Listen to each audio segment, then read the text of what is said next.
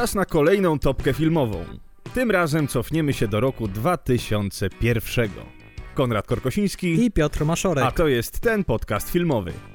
Y, Świetny początek. Zanim przejdziemy do naszych topek, tradycyjnie spróbujmy przypomnieć sobie, co wydarzyło się w 2001 roku. No przede wszystkim to wydarzenie, które niestety większość osób chciałoby zapomnieć to wydarzenie, no to oczywiście była e, tragedia World Trade Center. Jest takie coś, że ludzie e, mówią, że każdy pamięta, gdzie był, kiedy się wydarzyło World Trade Center. Czy ty pamiętasz, gdzie byłeś wtedy? Nie pamiętam niestety. Wow. Chyba byłem w domu, chyba byłem w domu. Pamiętam, że oglądałem to w telewizji, ale jakiegoś takiego... Znaczy mówi się, że Amerykanie pamiętają rzeczywiście, gdzie byli tego dnia i co robili dokładnie, ale, ale mnie to gdzieś niestety ominęło. A jeszcze byłem bardzo mały, bo miałem 11 lat, więc, więc może ta pamięć jest trochę zawodna. Aha. Otóż ja bardzo dobrze pamiętam, gdzie wtedy byłem, ponieważ ja wtedy wybierałem się do kina z tatą i z bratem na trzecią część Parku Jurajskiego do Bałtyku. Dosłownie 10 minut przed wyjściem na seans leciało TVN24. No i pokazali, co się wydarzyło w Nowym Jorku. I na moment nas to zatrzymało. Zignorowaliśmy to, stwierdziliśmy, że to po prostu jest jakiś tam e, nie wiem, może jakiś zapowiedź jakiegoś filmu, którą z jakichś powodów puszczałem na TVN24. No w każdym razie wzruszyliśmy ramionami i ruszyliśmy do kina na Park Jurajski 3. No i po powrocie z kina oczywiście do północy, jak nie dłużej, przesiedzieliśmy przed telewizorem i to był... To były jedne z takich najbardziej przerażających dla mnie momentów siedzenia przed telewizorem i oglądania wiadomości. To, to Wiem, że to były Stany Zjednoczone, ale autentycznie miałem wtedy takie poczucie, było takie poczucie strachu, było to poczucie, że to już jest to, to jest koniec, teraz będzie wojna, teraz y, już jutro przyjdą po nas i, i, i wybuchnie po prostu piekło. E, Całe szczęście tak się nie stało, ale no było to silne. A Park Jurajski 3 był słaby. Wydarzyło się jeszcze jedno no, zdecydowanie mniej dramatyczne wydarzenie e, też w historii Stanów Zjednoczonych. Otóż w sierpniu, dokładnie 8 sierpnia, Tom Cruise rozstał się z Nicole Kidman. Pamiętasz, gdzie wtedy byłeś? Nie, nie pamiętam, ale pamiętam, że na Oscarach za ten rok, czyli na ceremonii Oscarów, która odbyła się w 2002 roku, pamiętam, że tą ceremonię otwierał właśnie Tom Cruise. I pamiętam, że było bardzo dużo przebitek na Nicole Kidman, ale to też była dziwna ceremonia. Pamiętam, że były wątpliwości, czy ta ceremonia się odbędzie, ze względu na to, co się wydarzyło. No i właśnie, aby utwierdzić Hollywood w przekonaniu, że Oscary mają sens, mają tym bardziej sens, zwłaszcza w takiej chwili, no to wypuścili Toma Cruza. Jeszcze zanim był opening, jeszcze zanim pojawił się prowadzący, wyszedł Tom Cruise z rękami w kieszeni, kiwnął głową na Nicole Kidman. Nicole Kidman się bardzo krzywo uśmiechnęła, po czym Tom Cruise powiedział, że ludzie zadają pytanie, czy teraz potrzebujemy filmów bardziej niż kiedykolwiek. I dostał gigantyczne owacje od całego Hollywood. E, no właśnie, Oscary. Pamiętasz Oscary z tamtego roku? Oscary z tamtego roku. Oscary z tamtego roku. No dobra, już się nie poczekaj. Oscara za najlepszy film otrzymał Czekaj. Piękny Umysł w reżyserii Rona Howarda i Ron Howard także otrzymał Oscara za najlepszą reżyserię. Nie. Tak. Ty mówisz o roku 2002. O Oscary, o Oscarach za rok A, 2001. Aha, Rety. myślałem, że pytasz o Oscary, które odbywały się w 2001 Tak, roku. porozmawiajmy na topce za 2000 2001 rok o Oscarach za rok 2000. No Jezus właśnie, Maria. tego się bałem, że właśnie z kim mówię, ja o co robię ty, ten podcast? o co ty mnie pytasz? No oczywiście, że pamiętam te Oscary. No to proszę, I o, dokładnie pamiętam, kto wtedy i co wtedy dostało. Oczywiście dostał ja piękny ci zabiorę umysł. tego Apple'a, naprawdę. Dobrze, to przede wszystkim były e, bardzo poprawne Oscary, jeśli chodzi o nagrody dla czarnoskórych, ponieważ dwa Oscary aktorskie za najlepsze role pierwszoplanowe powędrowały właśnie do czarnoskórych aktorów, czyli do Denzela Washingtona za Dzień Próby oraz do, Halle Berry za Monsters Ball. Monsters Ball. czyli historyczne zwycięstwo, ponieważ Halle Berry była i cały czas niestety jest do dzisiaj jedyną czarnoskórą aktorką, która została nagrodzona Oscarem w kategorii najlepsza aktorka pierwszoplanowa. Dokładnie. No, Dokładnie. no zresztą przemówienie, które przeszło do historii. No przemówienie to dużo powiedziane, to był ryk, łzy, gile, śluz, wszystko. Wtedy też trzymaliśmy kciuki za naszego operatora Polaka, który robił zdjęcia do helikoptera w ogniu. Niestety nie udało mu się, bo ten Oscar powędrował do... Andrew, Andy Serkisa za Władcę Pierścieni, Drużynę Pierścienia. Za, tak, do Andrew Lesniego. Lesniego! Andy, Andy Serkis tak. niestety jeszcze wtedy, no... Znaczy, jeszcze cięż, wtedy w ogóle się nie doczekał. Ciężko, ciężko mu było wtedy rzeczywiście z tą kamerą pracować, miał inne zadanie. Taki jesteś zabawny, co? Ja? Ja przynajmniej wiem, który to, film dostał. To ty powiedziałeś o tym, że y, Serkisowi dali Oscara. Myślę, no, że... Pomyliły mi się Andy, drugi... Andy, Andy, Andy, Andy, Andy. No. no Andrew. Andrew. tak, ja po cichu liczyłem, że znacznie więcej tam nagród wpadnie, ponieważ to był pierwszy rok, w którym Władca Pierścieni pojawił się na Oscarach. Później przez najbliższe dwa lata oczywiście Władca Pierścieni wracał na ceremonię po to, aby dwa lata później z powrotem Króla zgarnąć no, absolutnie bank, każdą nominację, y, którą zdobył. Ale jednak cały czas mam troszkę taki ból tyłka, że nie dostał za scenografię, że, że nie dostał za kostiumy. Jeśli dobrze pamiętam, to to zgarnęło Moulin Rouge. No jednak jak się popatrzy teraz na te dwa filmy, scenografia do Władcy Pierścieni cały czas robi gigantyczne wrażenie i nie możesz uwierzyć, że oni, wow, oni to naprawdę zbudowali i to naprawdę powstało w Nowej Zelandii. Moulin Rouge oczywiście jest piękny, jest śliczną błyskotką. No tak, ale jest bulwarem totalnym, tak. nie? Więc jest po prostu feria kolorów i, i barw, a, a nie jest to zbudowany świat totalny. W sensie to jest Muller już jest próbą odtworzenia świata, a e, Władca Pierścieni jest próbą stworzenia świata. Ale jeśli się nie mylę, dostał jeszcze trzy statuetki. Za efekty specjalne. Za muzykę. Słusznie, ja szczerze mówiąc e, Howardowi Shore'owi dawałbym co roku tego Oscara za muzykę do, tego, do tej trylogii, ponieważ do każdej części skomponował muzykę fenomenalną. To nie jest tylko odgrzewanie jednych y, tych samych motywów, które skomponował do pierwszej części, do każdej tworzył coś nowego, coś wyjątkowego, dorzucał tam motywy. Y, super, super, świetna sprawa. No a ten czwarty Oscar dla Władcy Pierścieni? Panie laptop na kolanie? Ja to wszystko mam z pamięci, dlatego tyle to trwa, że muszę sobie przypomnieć, bo ja używam tak zwanego y, banku w głowie i muszę otworzyć odpowiednią szufladkę. To masz większe dziury w tej pamięci niż ja. No oczywiście jeszcze kolejny Oscar, to jest mój kochany, a za najlepsze y, zdjęcia jeszcze dostał. To, to już mówiłeś? Tak. Od tego zaczęliśmy rozmowę. Fajnie, no i efekty specjalne, to też ci mówiłem. To też mówiłeś. No to już wszystko. Nie, efekty specjalne, zdjęcia, muzyka oraz dostał cztery Oscary. I dostał jeszcze za make-up. No, dziękuję. E, no dobrze, a co powiesz o zwycięzcy Oscarowej gali, czyli o pięknym umyśle? Nie lubię, niestety. Widać mnie, nie widać. Trochę widać, nie widać. Mnie widać, nie, teraz nie, widać. Nie przepadam. Nie przepadam. Jest to moim zdaniem bardzo błahy i naiwny scenariusz i bardzo rozczarowujący i bardzo przewidywalny. Ja pamiętam, że w tym 2001 to był tak, to było duże wydarzenie. To ten, ten twist fabularny, który znajduje się w tym filmie, to było takie coś niesamowitego. Teraz ten twist wydaje się dosyć banalny. To nie jest jeden z tych e, twistów, które się dobrze zestarzały, ale no świetna rola Russella Crowe'a. I ja szczerze mówiąc, bardziej bym dał mu Oscara w tym roku za piękny umysł niż za Gladiatora, chociaż Gladiatora uwielbiam. Are you not entertained?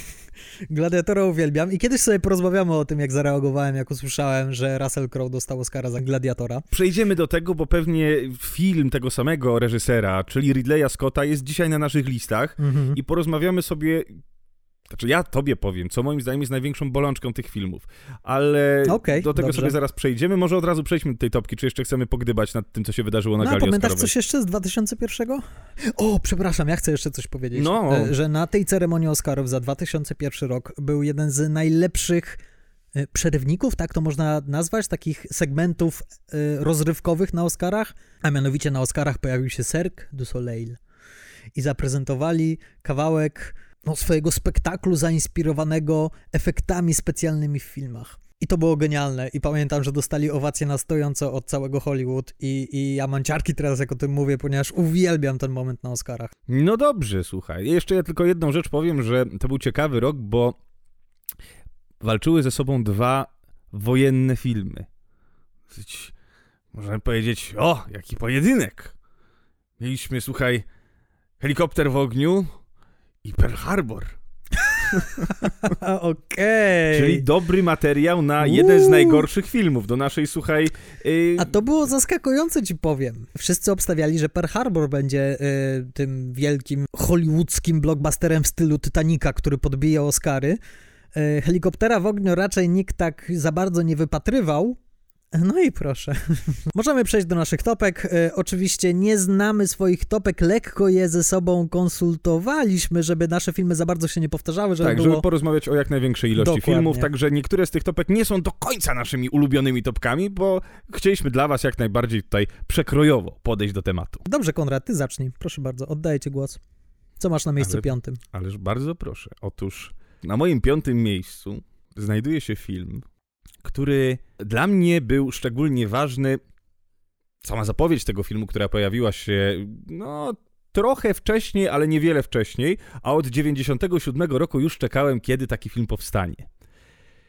I jest to film, który, no, tutaj wyobraźnia J.K. Rowling przyprowadziła nam świat młodego czarodzieja imieniem Harry Potter. I Chris Columbus, którego możemy znać z takich filmów jak na przykład Pani Doubtfire albo Kevin y, sam w Kevin domu. sam w domu, powołał na świat filmowy, na ekrany na całym świecie właśnie postać Harry'ego Pottera. I to jest właśnie mój piąty film.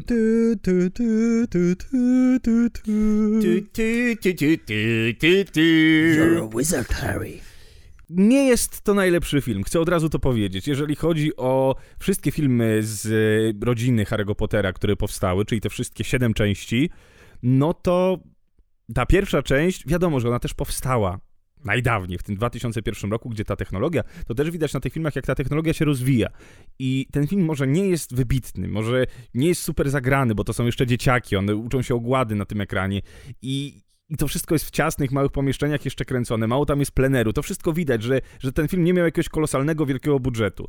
Ale no, nie zmienia to faktu, że to zaczęło jedną z najpiękniejszych przygód filmowych. Ja jeszcze byłem dzieciakiem, znaczy dzieciakiem, miałem 11 lat, więc rozwijałem się też z tym Harrym Potterem. To było dla mnie coś wyjątkowego i do ostatniej części, która już nie pamiętam kiedy się pojawiła, w jakimś 2007, Siódmym albo ósmym.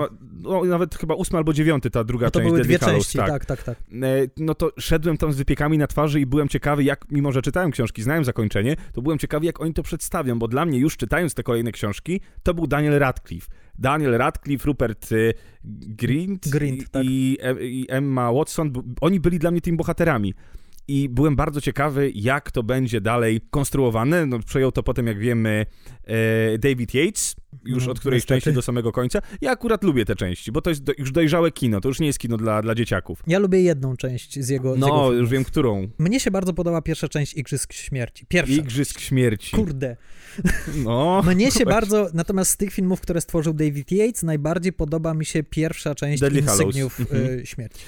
Zgadzam się, to jest w ogóle... To mógłby nie być film z Harry'ego Pottera. Tak, to jest w dlatego ogóle go lubię. tak, tak e, dramat, dojrzały dramat w ogóle, na którym są emocje, poszukiwanie, wiesz, e, Tak, troszkę- dojrzewanie, Troszkę film drogi, Tak, o tej podróży i, i ładne dlatego tak, kolory, tak, tak. jest tam, wiesz, szarość gra, wiesz, jest tak ponuro, Tak. ale wracając do pierwszej części, dwie rzeczy udały, udały im się fenomenalnie. Tak jak powiedziałeś, to był początek wielkiej przygody, czyli po pierwsze oni wykreowali wizualnie ten świat. udał im się casting przede wszystkim. No i udał im się, i to jak? I to jak? Że te dzieciaki dorastały coraz bardziej wpasowując się w ten i rozsiadając się w tym świecie, ale tam nie ma złego castingu. Nie mogli lepiej obsadzić takich ludzi jak Snape, jak, ja. jak Dumbledore, który Nie, został no. wymieniony już w którymś momencie. Wszystkie I- dorosłe i to role są- to, to są są w punkt. Majstersztyki, no majstersztyki, ale ten Harry Potter, który, no on się urodził po to, żeby to zagrać. Nikt by tego inny lepiej nie zagrał. Draco Malfoy, y, Emma Watson w ogóle w tej roli, przecież to coś, coś niebotycznie wspaniałego. I ja te filmy uwielbiam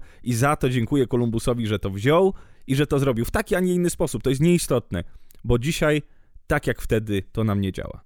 No i bardzo ładnie, piękne zakończenie. No i co? A ty jakie tam masz piąte miejsce, panie Maszor? Dobrze, ja na swoim piątym miejscu umieściłem równie gwiazdorską obsadę, e, ponieważ w moim miejscu piątym zagrali George Clooney, Brad Pitt, Julia Roberts, Matt Damon, Andy Garcia. Wola Boga, jaka obsada? Tak. Oczywiście mówię tutaj o Ocean's Eleven Stevena Soderberga. Ja ten film odkryłem później. Ja nie zachwyciłem się nim, kiedy on wchodził do kin. Wydawał mi się troszkę taki dziwaczny, ale z czasem pokochałem go całym sercem, ponieważ to jest niesamowicie zrobiony film. Przede wszystkim fantastyczne nawiązanie do takiego, takiego oldschoolowego Hollywoodu, ponieważ to jest remake filmu, w którym e, rolę George'a Clooney'a, jeśli dobrze pamiętam, zagrał Frank Sinatra. Czyli to, to troszkę ma taki oldschoolowy Hollywood w sobie, w swojej tkance, ponieważ to jest gwiazdorska obsada i oni wszyscy wyglądają jak milion dolarów na tym ekranie i obracają się w Las Vegas i wszystko jest po prostu splendor spływa z tego ekranu. Jak Julia Roberts po raz pierwszy pojawia się na ekranie, to po prostu aha. Ale oprócz tego to też jest świetnie zrobiony film. Reżysersko świetnie opowiedziany film. Tak, to jest. Ja lubię na te filmy mówić, że to jest kino czystej rozrywki, bo tam nie ma jakiegoś głębszego dna, tylko no wiadomo, jest zagadka do rozwiązania. To jest forma kina hajstowego, ale troszkę też takiego detektywistycznego, że jest zagadka do odgadnięcia i dopiero na końcu się okazuje, jak to wszystko zostało zrobione. Więc ten Soderbergh, yy, no wiadomo, że bazował na, na, na oryginale jakimś, potem już yy, były pisane scenariusze kolejne oryginalne, ale no to jest jest czysta rozrywka, w sensie kino, które ma zadanie zaskoczyć widza i to się udaje i jeszcze z tak ogromną charyzmą aktorską i poczuciem humoru. Mhm. Ten Brad Pitt i tam, oni tam grają, mają idealnie napisane te, te ja nitki mam, Ja mam e, wrażenie, że oni tam w ogóle nie grają, że oni po prostu są i, i się, się dobrze bawią. bawią. i to tak spływa z tego jest, ekranu. Ale tak, zgadzam się z tobą, że to jest przede wszystkim kapitalne kino rozrywkowe, które pokazuje, że kino rozrywkowe nie musi być głupie, że może być zrobione mądrze, ponieważ pomimo tego, że tak jak mówisz, to jest sensacyjna historia o napadzie na kasyno, ale jednocześnie jest to naprawdę fajnie poprowadzona historia e, Daniego Oceana, czyli bohatera granego przez George'a Clooney'a i tego, e, jak próbuje odzyskać swoją żonę. I to jest naprawdę nic więcej nie potrzeba do tego, aby, aby zrobić świetny film. I no i mu, soundtrack. Już niektórzy zapomnieli, jak ważny to był soundtrack na początku lat 2000. Przeróbka Elvisa Presleya, Little Less Conversation, ojeju, leciała wszędzie, naprawdę wszędzie. I po prostu czat. Polecam wam serdecznie, chyba wszystkie trzy części są dostępne na Netflixie i polecam wam, obejrzyjcie sobie, przypomnijcie sobie ten film, gwarantuję wam, to jest film Jendego Buta.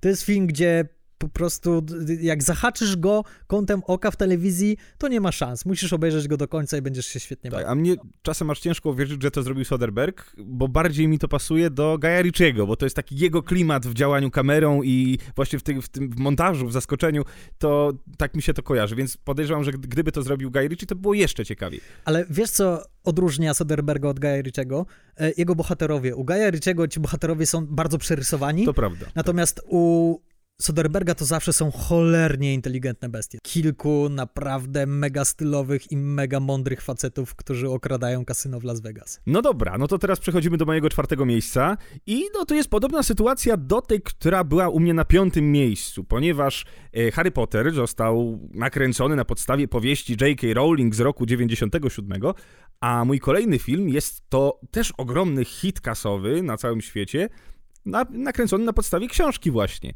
I jest to książka z roku 96, czyli dziennik Bridget Jones. Historię Bridget Jones wszyscy znamy, więc skupiać się na fabule nie musimy, no ale możemy dwa słowa powiedzieć. Jest to 30-letnia samotna kobieta, która no, walczy, no, no, walczy z tym, że próbuje sobie poradzić z tym, że już jest tą 30-letnią samotną kobietą, walczy z nadwagą, ze wszystkim, co dotyka samotne kobiety po 30. No. Nie tylko kobiety. Nie tylko kobiety, ale każdego. No i no to chodzi właśnie o te y, narastającą frustrację w jej życiu i przelewa te swoje problemy na papier, ale ma dosyć mimo wszystko sporo szczęścia w tej miłości, jak na te swoje na te swoje działania. bo ja wiem, czy ma sporo szczęścia, tam jest no, sporo... Pan Darcy, wiesz, tam jest totalnie... No, Pan Darcy. Totalnie...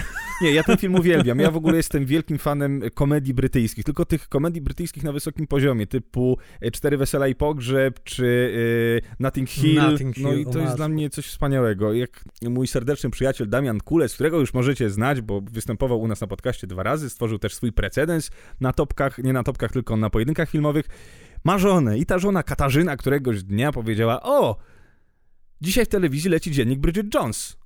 Powinniśmy to obejrzeć, to jest bardzo ważny film. I coś w tym jest. To naprawdę jest ważny jest. film. Myślę, że ten film naprawdę pomógł wielu, nie tylko kobietom, ale wielu ludziom w, czas, w czasie depresji spowodowanych ich stanem życia, no i w miejscu, w którym są, że mają złą pracę, że, że cierpią na nadwagę, na jakieś takie poważne rzeczy, a, a tak naprawdę ta, ta Bridget Jones pokazuje, że te wszystkie sprawy są do ogarnięcia i że można z tym żyć zamieniając to w dobre poczucie humoru. No, gdybyśmy tylko wszyscy byli brytolami i mieli tak jowialne poczucie humoru, jak właśnie oni, ale... E, no, ja powiem ci tak, ja przypomniałem sobie ten film przed naszą topką, ponieważ właśnie to był jeden z tych filmów, o których rozmawialiśmy wcześniej.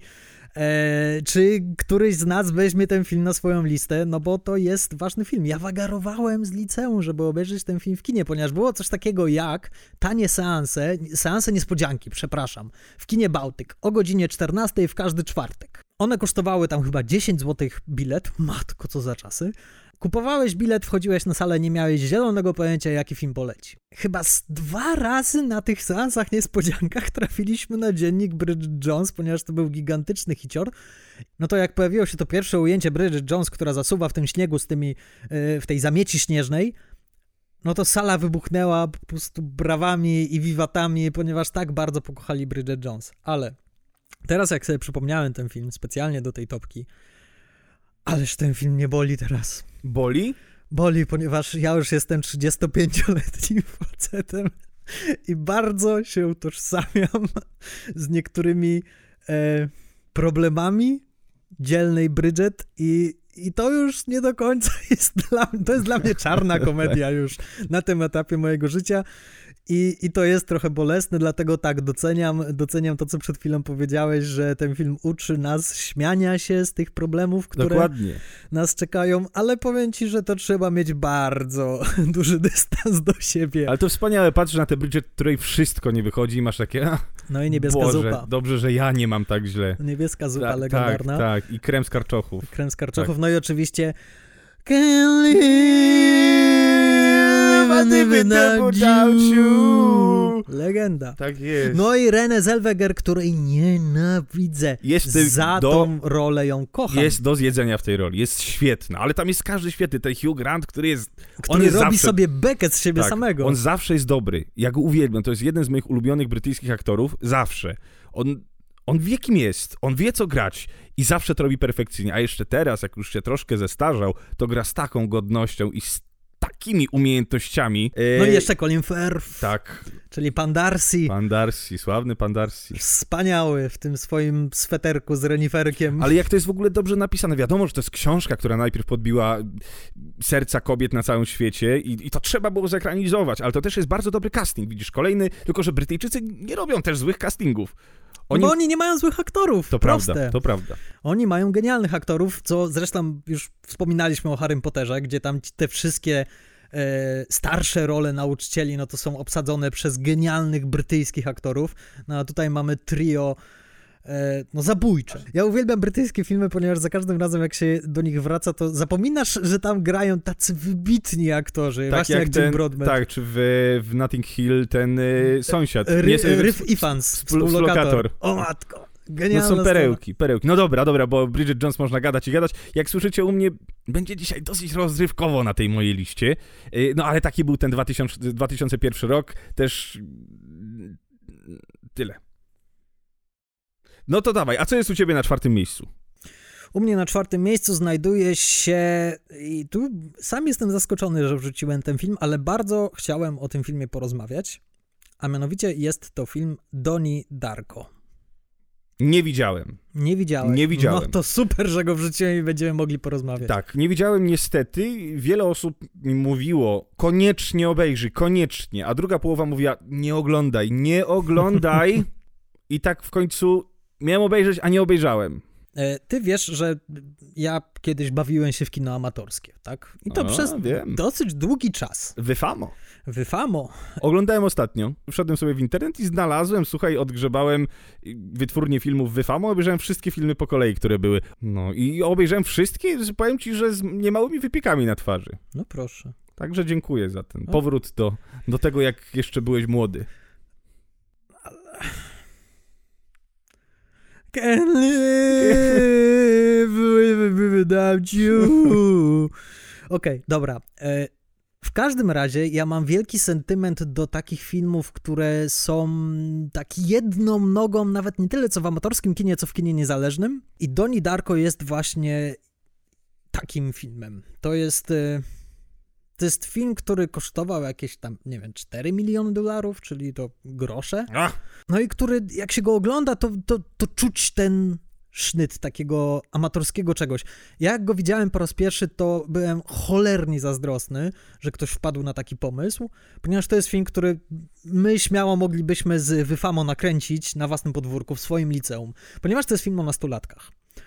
I to jest y, według mnie najlepszy film o nastolatkach, jaki widziałem, ponieważ on nie wpada w te wszystkie pułapki gatunku nastolatkowego kina. To nie jest komedia romantyczna, to jest coś zupełnie innego, to jest coś bardzo mrocznego, onirycznego, dziwnego, tam jest y, y, i granie z czasem i nie wiemy, czy to jest rzeczywistość, czy to nie jest rzeczywistość, ale z drugiej strony to nie jest y, David Lynch, tak? To nie jest niedostępne. To jest coś, co możesz obejrzeć, możesz to zrozumieć. Gdzieś tam ci coś się może nie skleić, ale mimo wszystko jakoś to ogarniesz rozumem. I za to ten film uwielbiam. Za ten nastrój, za ten za tą dziwaczność. Serio, nie widziałem nigdy takiego filmu na taki temat. Fajna, fajna obsada, fajna historia. I ja nie wiem czemu, ale ten film mnie autentycznie porusza. Być może chodzi o to, że on dotyka takich moich nastolatkowych strun, które gdzieś tam jeszcze pozostały, ponieważ tak naprawdę ten film opowiada właśnie o takich nastolatkowych lękach, i bolączkach, tylko w zupełnie oryginalny sposób, nie tak jak zazwyczaj się o tym mówi. Czyli ty jesteś z obozu oglądaj czy nie oglądaj? Oglądaj. Ja jestem zawsze z obozu oglądaj. No dobra, przechodzimy do mojego trzeciego miejsca i jest to helikopter w ogniu. A u ciebie na którym jest miejscu? Jeżeli na trzecim, no to jesteśmy w idealnej sytuacji. Helikopter w ogniu znajduje się na drugim miejscu mojej Na listy. drugim? Tak. No widzisz. No dobrze, no to możemy sobie teraz porozmawiać o helikopterze Dobra. w ogniu. E, jest to film Ridleya Scotta, o czym już rozmawialiśmy wcześniej, no i tam jest, w ogóle to jest y, rok gwiazdorskich obsad, ogromnych gwiazdorskich obsad, bo tu się właśnie pojawiły takie osoby jak Josh Hartnett, e, swoją drogą Iwan McGregor, który na początku by się wydawało, że będzie miał niemałą że będzie miał małą rolę, potem się okazuje, że ta rola jest dosyć spora. Tam nie te, ma małych ról w tym to, filmie. No tak, są po prostu, no nie, nie zgadzam Tom się Hardy? No, malutka rulka, ale, ale, ale istotna. Znaczy, może tam nie ma nieistotnych ról, tak. może w ten sposób. O. Ale zobacz, jaki to jest w ogóle rok. Tych aktorów jest całkiem sporo w ogóle żyjących i wtedy żyjących było dużo, a tutaj na przykład znowu Josh Hartnett, y, Hartnett dwa filmy, ogromne. Iwan McGregor, dwa ogromne no, filmy w tym e, roku. Oscar, e, nie, przepraszam, on ma e, nie Os Oscar Isaac, tylko... Jason Isaacs. Jason Isaacs. Bardzo lubię tego no aktora, no świetny, który świetny. rok później pojawił się w drugiej części Harry'ego Pottera. No ale Tom Sizemore, e, Sam Shepard. Oj, Tom Sizemore, uwielbiam tego aktora. On tą swoją taką nonszalancją, o, swoje, wspaniały. I dla mnie to jest film prawie dokumentalny, w sensie skręcony w taki sposób, że rzuca cię w, w te okoliczności i no, gdyby to oglądać na dobrym kinie domowym, no to można można być e, w centrum, w centrum akcji, ale ten cholerny Ridley Scott. I to jest rok po gladiatorze. Tak. Rok po gladiatorze. Tak. On wypuścił helikopter. Nie wiem, co on brał, ale naprawdę był wtedy na szczycie. Tylko jedno pytanie, ty mi odpowiedz, bo ty robisz w, też w takiej branży, że, że te filmy potem, wiesz, przy montażu, postprodukcji po cholerę te kolory. To jest moment, w którym e, technologia odkryła color grading. Dotychczas, aby jakby wpłynąć na kolory na ekranie, na to, co widzimy, no to, to były procesy chemiczne, którym poddawano taśmę filmową. To było znacznie bardziej skomplikowane, no i trzeba było niemałej maestrii. Ale w tamtym okresie zaczęto wprowadzać właśnie komputerową koloryzację.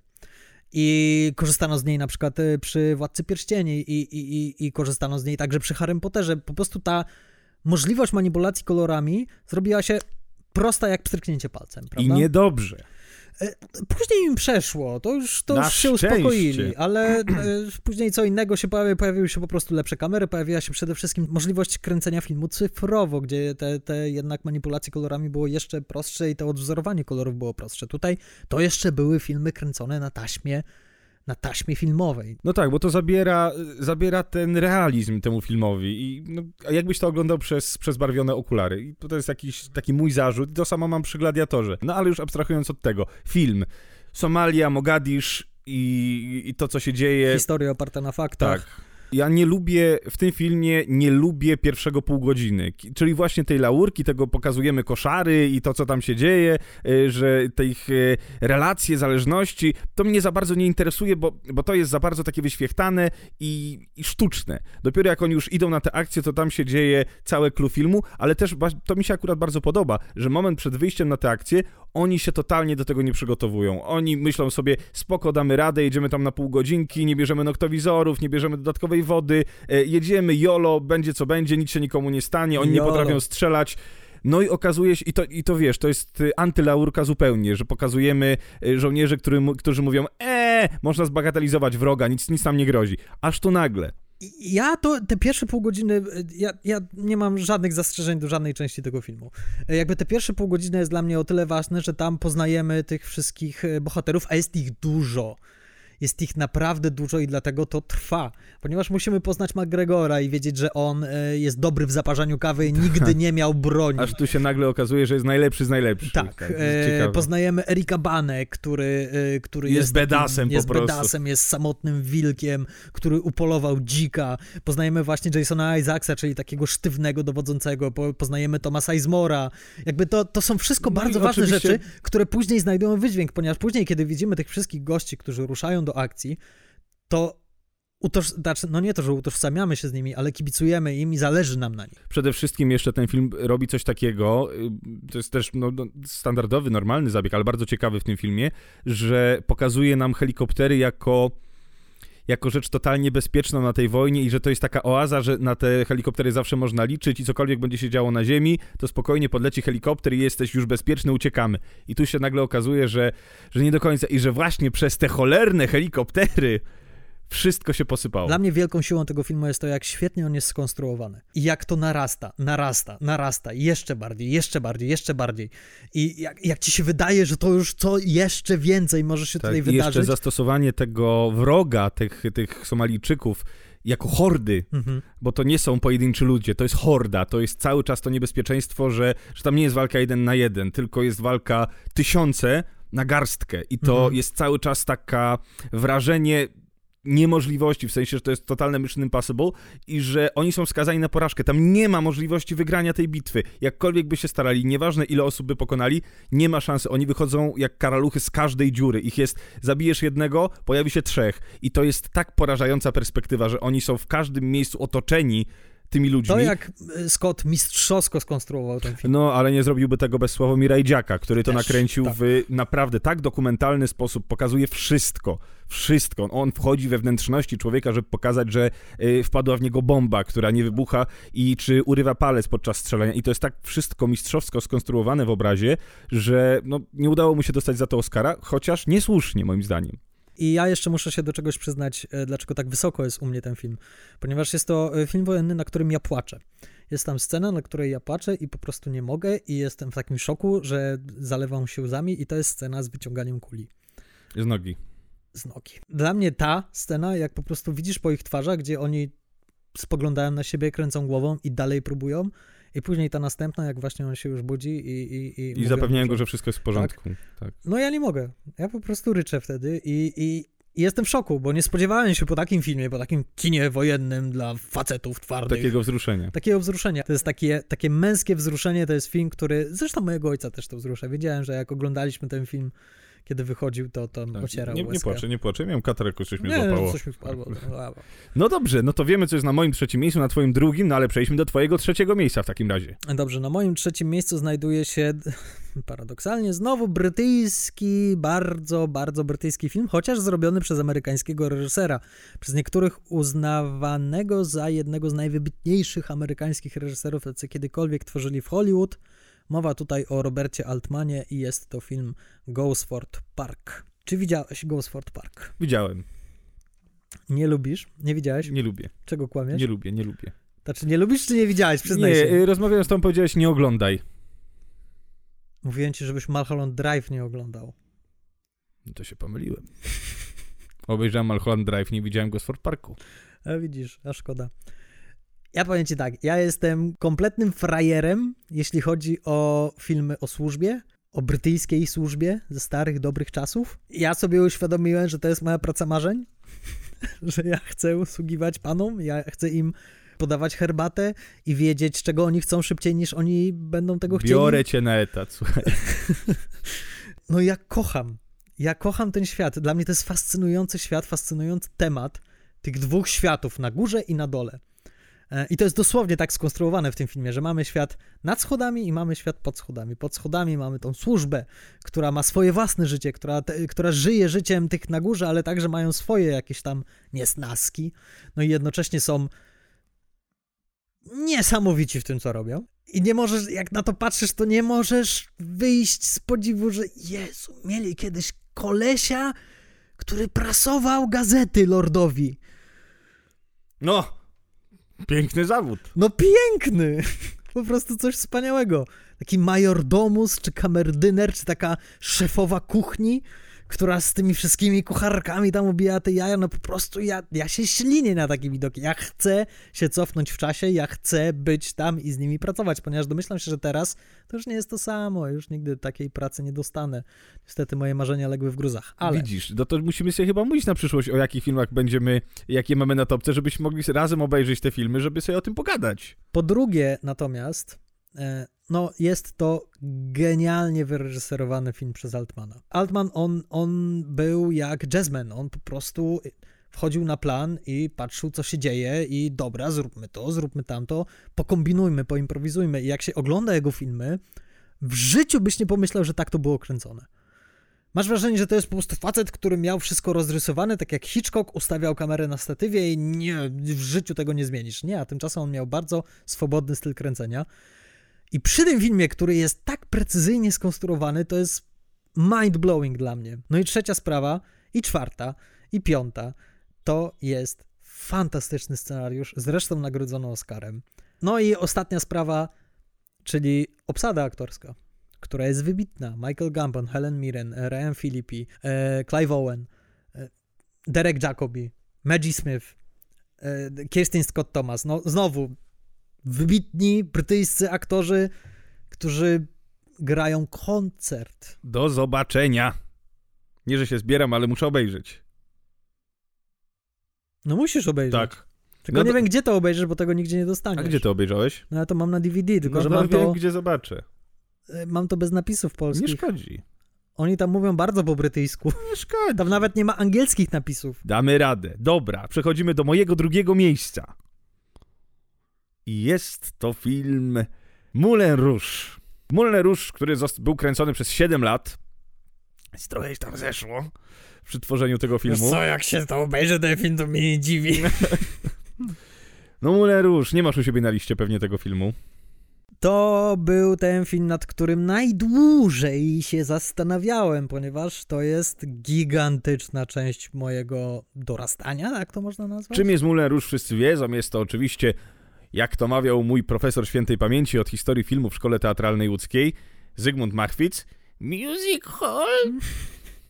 E, I to jest właśnie film o tym Music Hallu, czyli o Moulin Rouge, który znajduje się na, e, na, Moma, na, Mo, na, Moma, na Montmartre, który znajduje się na Montmartre Ja ci nie pomogę, sam w to który wpadłeś. znajduje się na Montmartre w, w Paryżu. Film jest historią miłosną o biednym pisarzu, którego gra właśnie Iwan McGregor, który poznaje tancerkę z Moulin Rouge, czyli Satine. która marzy, by być aktorką i odlecieć daleko, daleko stąd.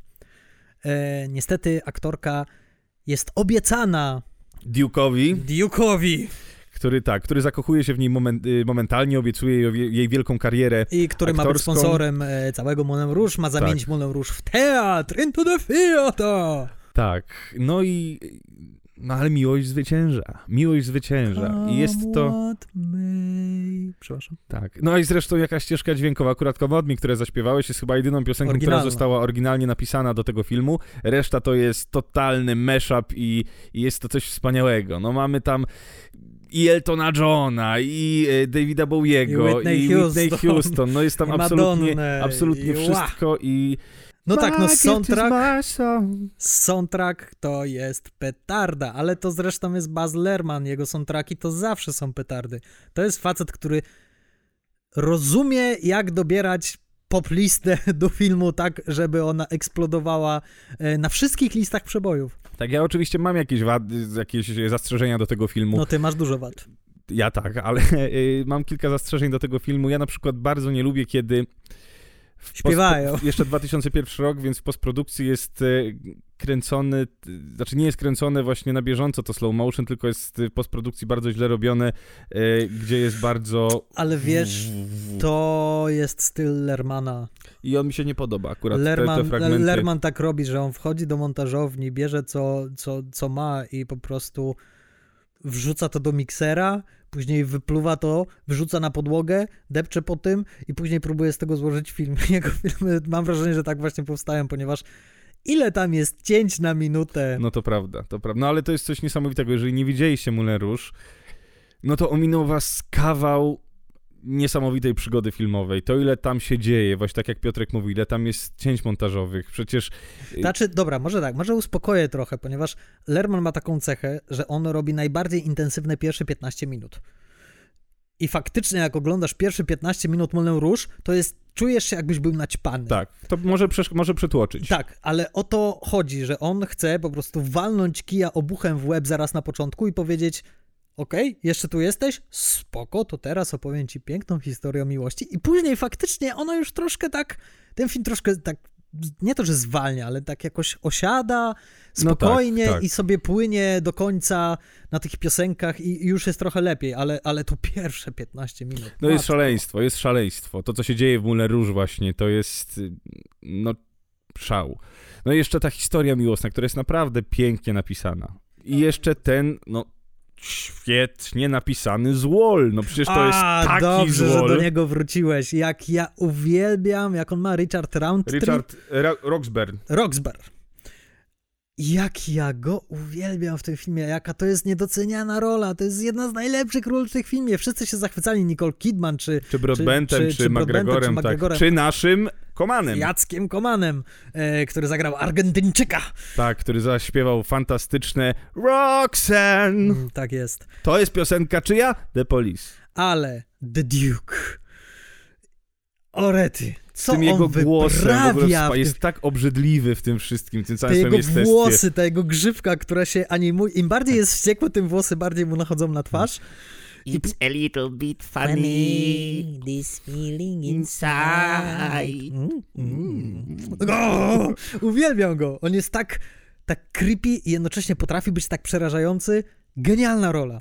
No tak czy inaczej, jest to absolutna uczta filmowa i jeżeli jakimś cudem nie widzieliście tego filmu, włączcie, wytrzymajcie pierwsze 15 minut, a potem delektujcie się historią. No dobrze, to co? Y, twoje drugie miejsce już znamy, jest to helikopter w ogniu. Tak jest. Więc pozostało nam przejść do twojego miejsca numer jeden. Kochani, kto mnie zna, ten już wie, co będzie na moim miejscu pierwszym. Władca Pierścieni, Drużyna Pierścienia w reżyserii Petera Jacksona. Ty zapewne nie masz nigdzie na swojej liście? Nie mam, nie mam, ale ty też z tego powodu, że rozmawialiśmy i wiedziałem, że ty będziesz miał, więc już nie chciałem do siebie wrzucać, bo wiedziałem, że o tym filmie pogadamy. Okej. Okay. No dobrze. To był taki slogan na plakacie e, do właśnie Drużyny Pierścienia. Matka wszystkich filmów.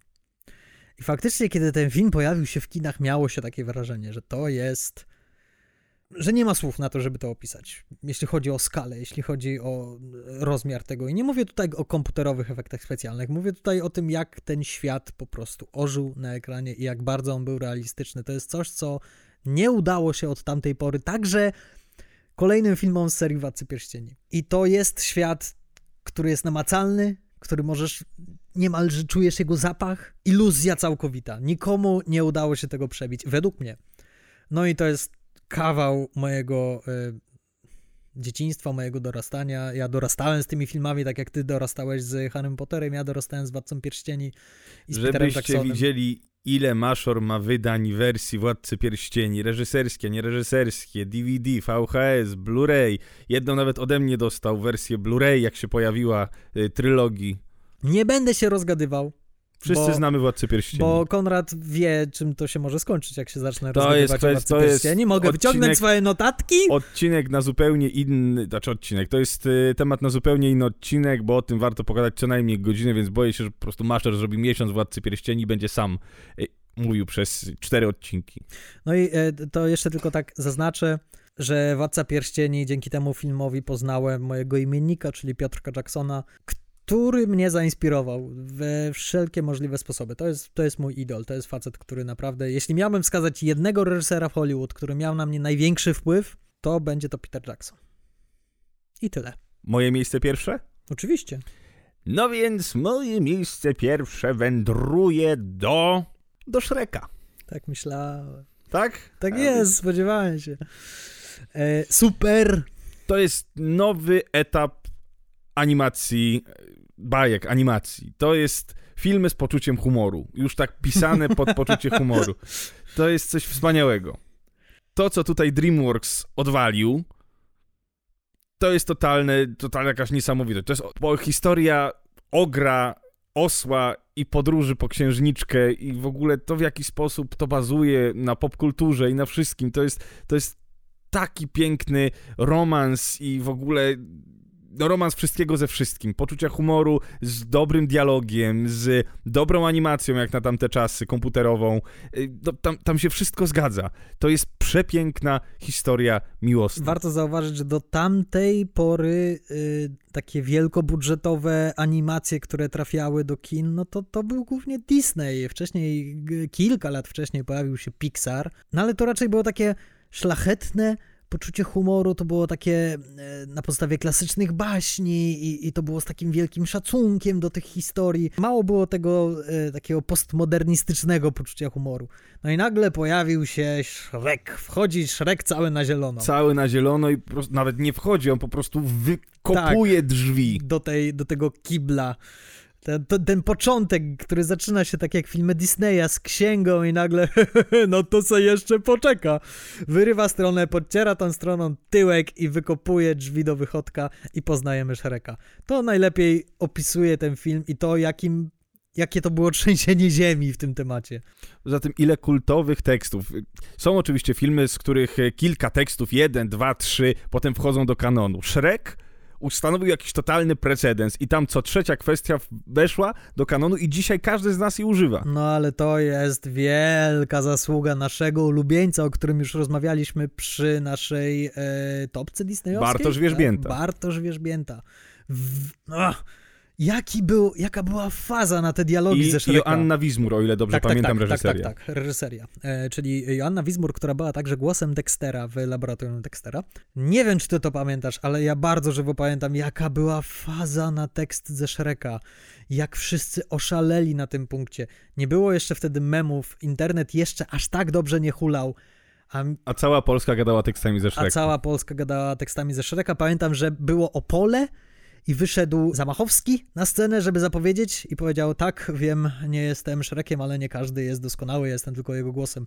I, i, i ludzie oczywiście przywitali go gigantycznymi brawami. To naprawdę skradło wyobraźnię nie tylko w, w, Stanach Zjednoczonych, ale także u nas, głównie za sprawą genialnego dubbingu. No bo nagle okazało się, że film animowany to nie jest tylko film dla dzieci, że na, ty, na to mogą pójść dorośli tak. bez dzieci i się świetnie bawić. Nawet lepiej się bawić, ponieważ dzieci nie zrozumieją Dokładnie. wszystkich dowcipów, a tam e, teksty Żwirek kręci z muchomorkiem. Żwirek kręci z muchomorkiem? no i świetny scenariusz. To jest rewe... zresztą nominowany do Oscara. E, no tak, no i dostał os oczywiście Oscara za najlepszy film animowany i słusznie. Tam walczyło z potworami i spółką. No i zresztą to był e, Oscar... E, oskaryczny histor Oskaryczny histor. To był oskaryczny histor, ponieważ po raz pierwszy w historii Oscarów została wręczona statuetka w kategorii najlepszy film pełnometrażowy animowany. Do tej pory filmy animowane mogły liczyć tylko na kategorie krótkometrażowe, albo jeśli jakimś cudem wbiły się do kategorii najlepszy film, tak jak Piękna i Bestia, to się zdarzyło tylko raz. E, no później jeszcze był Odlot tam chyba nominowany, ale to już znacznie później.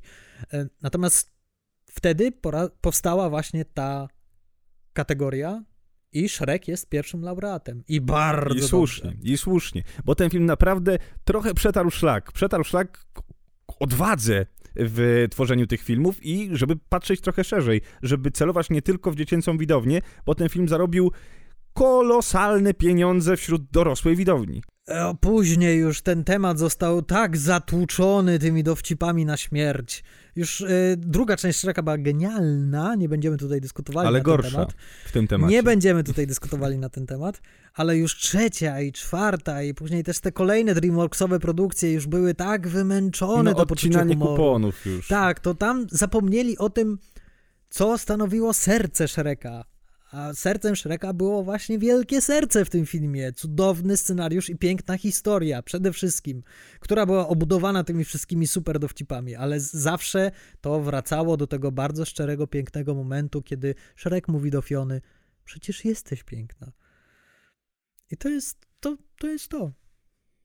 I to sprawiło, że ten film działał tak genialnie. Ponieważ pomimo tych wszystkich śmiechów masz łezkę wokół. Tak. No i to takie filmy, słuchajcie, tym razem u nas, więc to tyle na dzisiaj. Dziękuję ci bardzo, Konrad. No słuchaj, masz kilka filmów do obejrzenia, w przeciwieństwie do A, mnie. Ja a. wszystkie filmy z twojej topki Bo widziałem. ja celowo wziąłem takie filmy, które ty też widziałeś, żebyśmy mogli sobie o tym porozmawiać. Nie chciałem tu tutaj A zaskakiwać ja na nagraniu. celowo ci mówiłem, jakie filmy będę wrzucał do topki, żebyś też mógł sobie Nie mówiłeś mi właśnie. Mówiłem ci, że Gosford Przeglądaliśmy tylko razem listę i mówisz, o, po Gosford Park muszę obejrzeć. Tak mówiłeś. No nie wiem, jak mogłem być bardziej Halo? komunikatywny. Przestań, Halo? siedzę obok ciebie, na litość boską. Masz rację. Tym razem się nie udało. Eee, kochani, chcielibyśmy was jeszcze na sam koniec poinformować o bardzo przykrej zmianie w naszej ramówce. Jestem pewien, że Konrad będzie bardzo na tym pobolewał. Czy to był Dramatic Hamster? Tak, oczywiście, że tak. Nieudany. Nie. Nie wiem czemu tak wbiłeś podbródek w szyję i... Postanowiliśmy troszkę zamieszać, ponieważ robi się zbyt statycznie, zbyt przewidywalnie, a my Zbyt nie wygodnie lubimy. dla zbyt nas. wygodnie dla nas. Musimy sobie rzucać jakieś wyzwania, dlatego z naszej ramówki wypadają newsy filmowe. Tak, ale, ale, ale, osoby, które kochają newsa, a widzimy, że jest tych osób sporo, nie przejmujcie się. Dźwięk świerszczy. Kochamy newsy, powiedział nikt nigdy. Nie, nie, wiemy, że są osoby, które newsy, newsy kochają, e, czy lubią. Kochają Te newsy, newsy! te newsy, te newsy. Ja jestem taką osobą. Kochasz newsy? Kocham newsy, codziennie oglądam Woo! fakty.